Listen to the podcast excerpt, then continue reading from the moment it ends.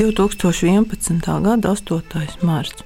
Rīt sākas stulbais gavēnis. Man nepatīk gavēnis. Tas, diemžēl, nav mainījies kopš atgriešanās ticībā. Var jau būt, ka man tagad ir mazliet vieglāk no kaut kā atteikties, ko es agrāk neesmu mācējusi it nemaz. Redzēsim, kā šogad veiksies ar pelnu trešdienu, lai gan noteikumi patiesībā ir maigi. Tomēr man joprojām vislabāk patīk priecāties, Es būtu ļoti slikta puritāne, man patīk izpriecas. 40 un vairāk pārdomu dienu man nepatīk pēc koncepcijas. Nav jau tā, ka es visu laiku ballētos, tomēr nomāca apziņa, ka jādzīvo atturīgi. Un grūti, ka nedzied alleluja. Šodien speciāli klausos visdažādākās allelujas un magnifikātus.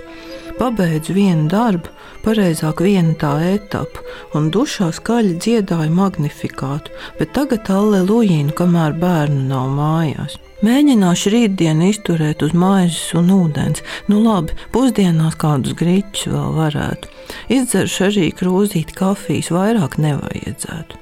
No parītdienas tie, kas nav praktizējuši pareizticīgie, atkal var ēst, ko grib, līdz lielajai piekdienai, vai arī no kaut kā atteikties, no saldumiem vai no interneta. Nezinu, pieļauju, ka neatteikšos.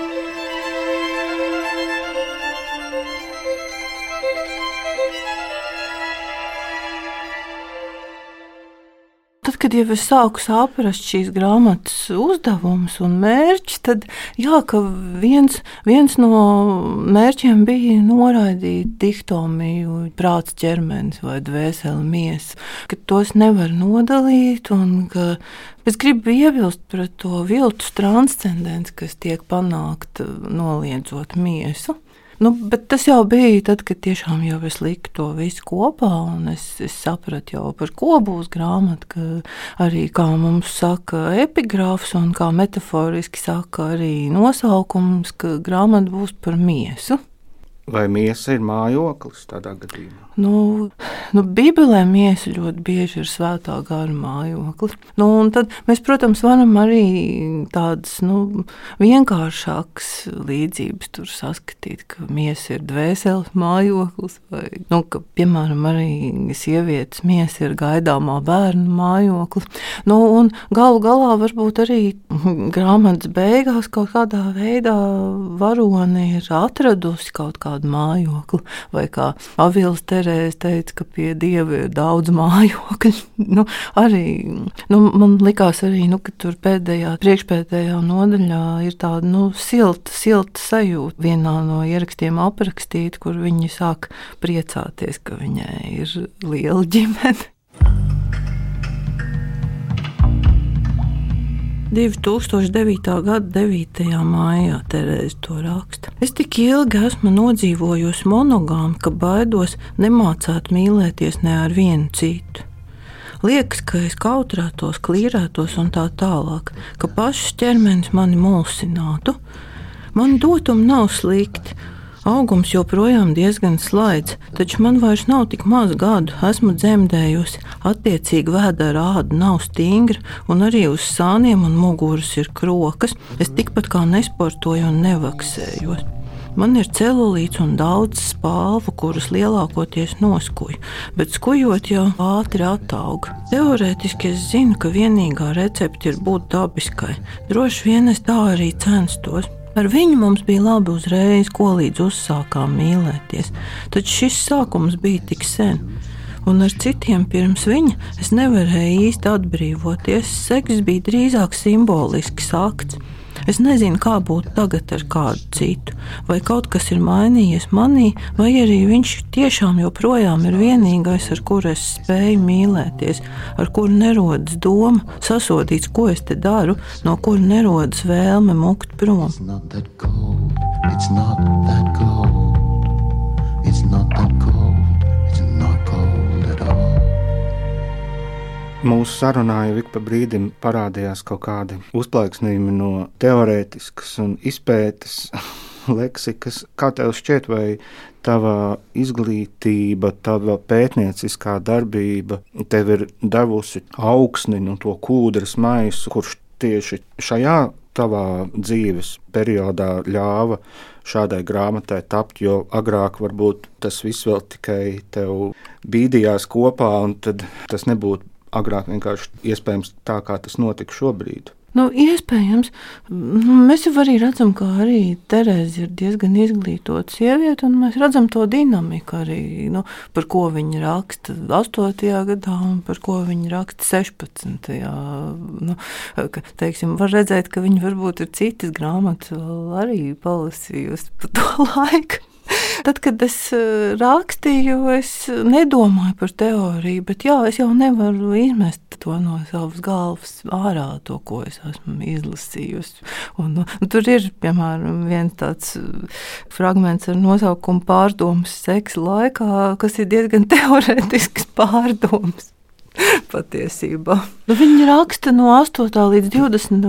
gadam dienas grāmatu, 21. gadsimtā, bet šajā dienas grāmatā atmiņas iesniedzās arī 20. gadsimta 80. un 90. Mm. gados. Tā kā kopumā viņi aptver 40 gadus ilgu posmu, bet rakstīšana notiek 12 no tiem.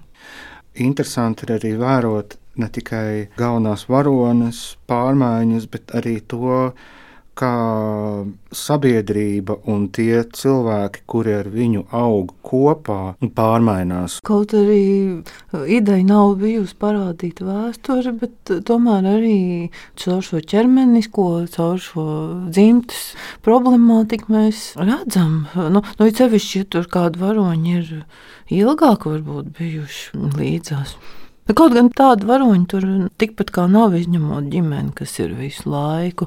Varbūt drīzāk var runāt par eh, tādu kopējo sajūta, diskursu, priekšstatiem, kā teiksim, Terēzes bērnībā un agrīnajos pusaudzes gados meitenes neapspriež savā starpā intīmas lietas. Tad, kad Terēzē jau ir pāri 30, tad jau viņa aiziet pie draudzenēm un runā par to, kāds kurai ir orgasms. Nu, tā ir milzīga starpība, un tur divas no tām draudzenēm ir tās pašas. Tā kā varbūt to tu domāji. Mm ja par cilvēkiem tieši. Bet tur ir arī tādi vēsturiski fakti. Tur, piemēram, ir aprakstīts Rīgā pirmais veikals draugs un, un kādu prieku tas Terēzē ir sagādājis ar savu parādīšanos. Ko tu teiktu par latviešu literārās valodas problemātiku, par ko ir dažkārt spriests? Kāpēc ir tik grūti rakstīt par seksu, tā, lai šis iespējas lasītājam vai arī pašam autoram pēc tam neliktos samocīts, stīvs, varbūt pat neglīts kaut kādā ziņā. Nu, man nebija grūti. Man liekas, ka latviešu valodā vispār nu, tāda ļoti rupja vārda nemaz nav. Nu, Krievu valodā ir citādi, jo Krievu valodā visrupjākie vārdi ir saistāmi ar tatāru, mongoļu jogu un dažādiem pazemojumiem.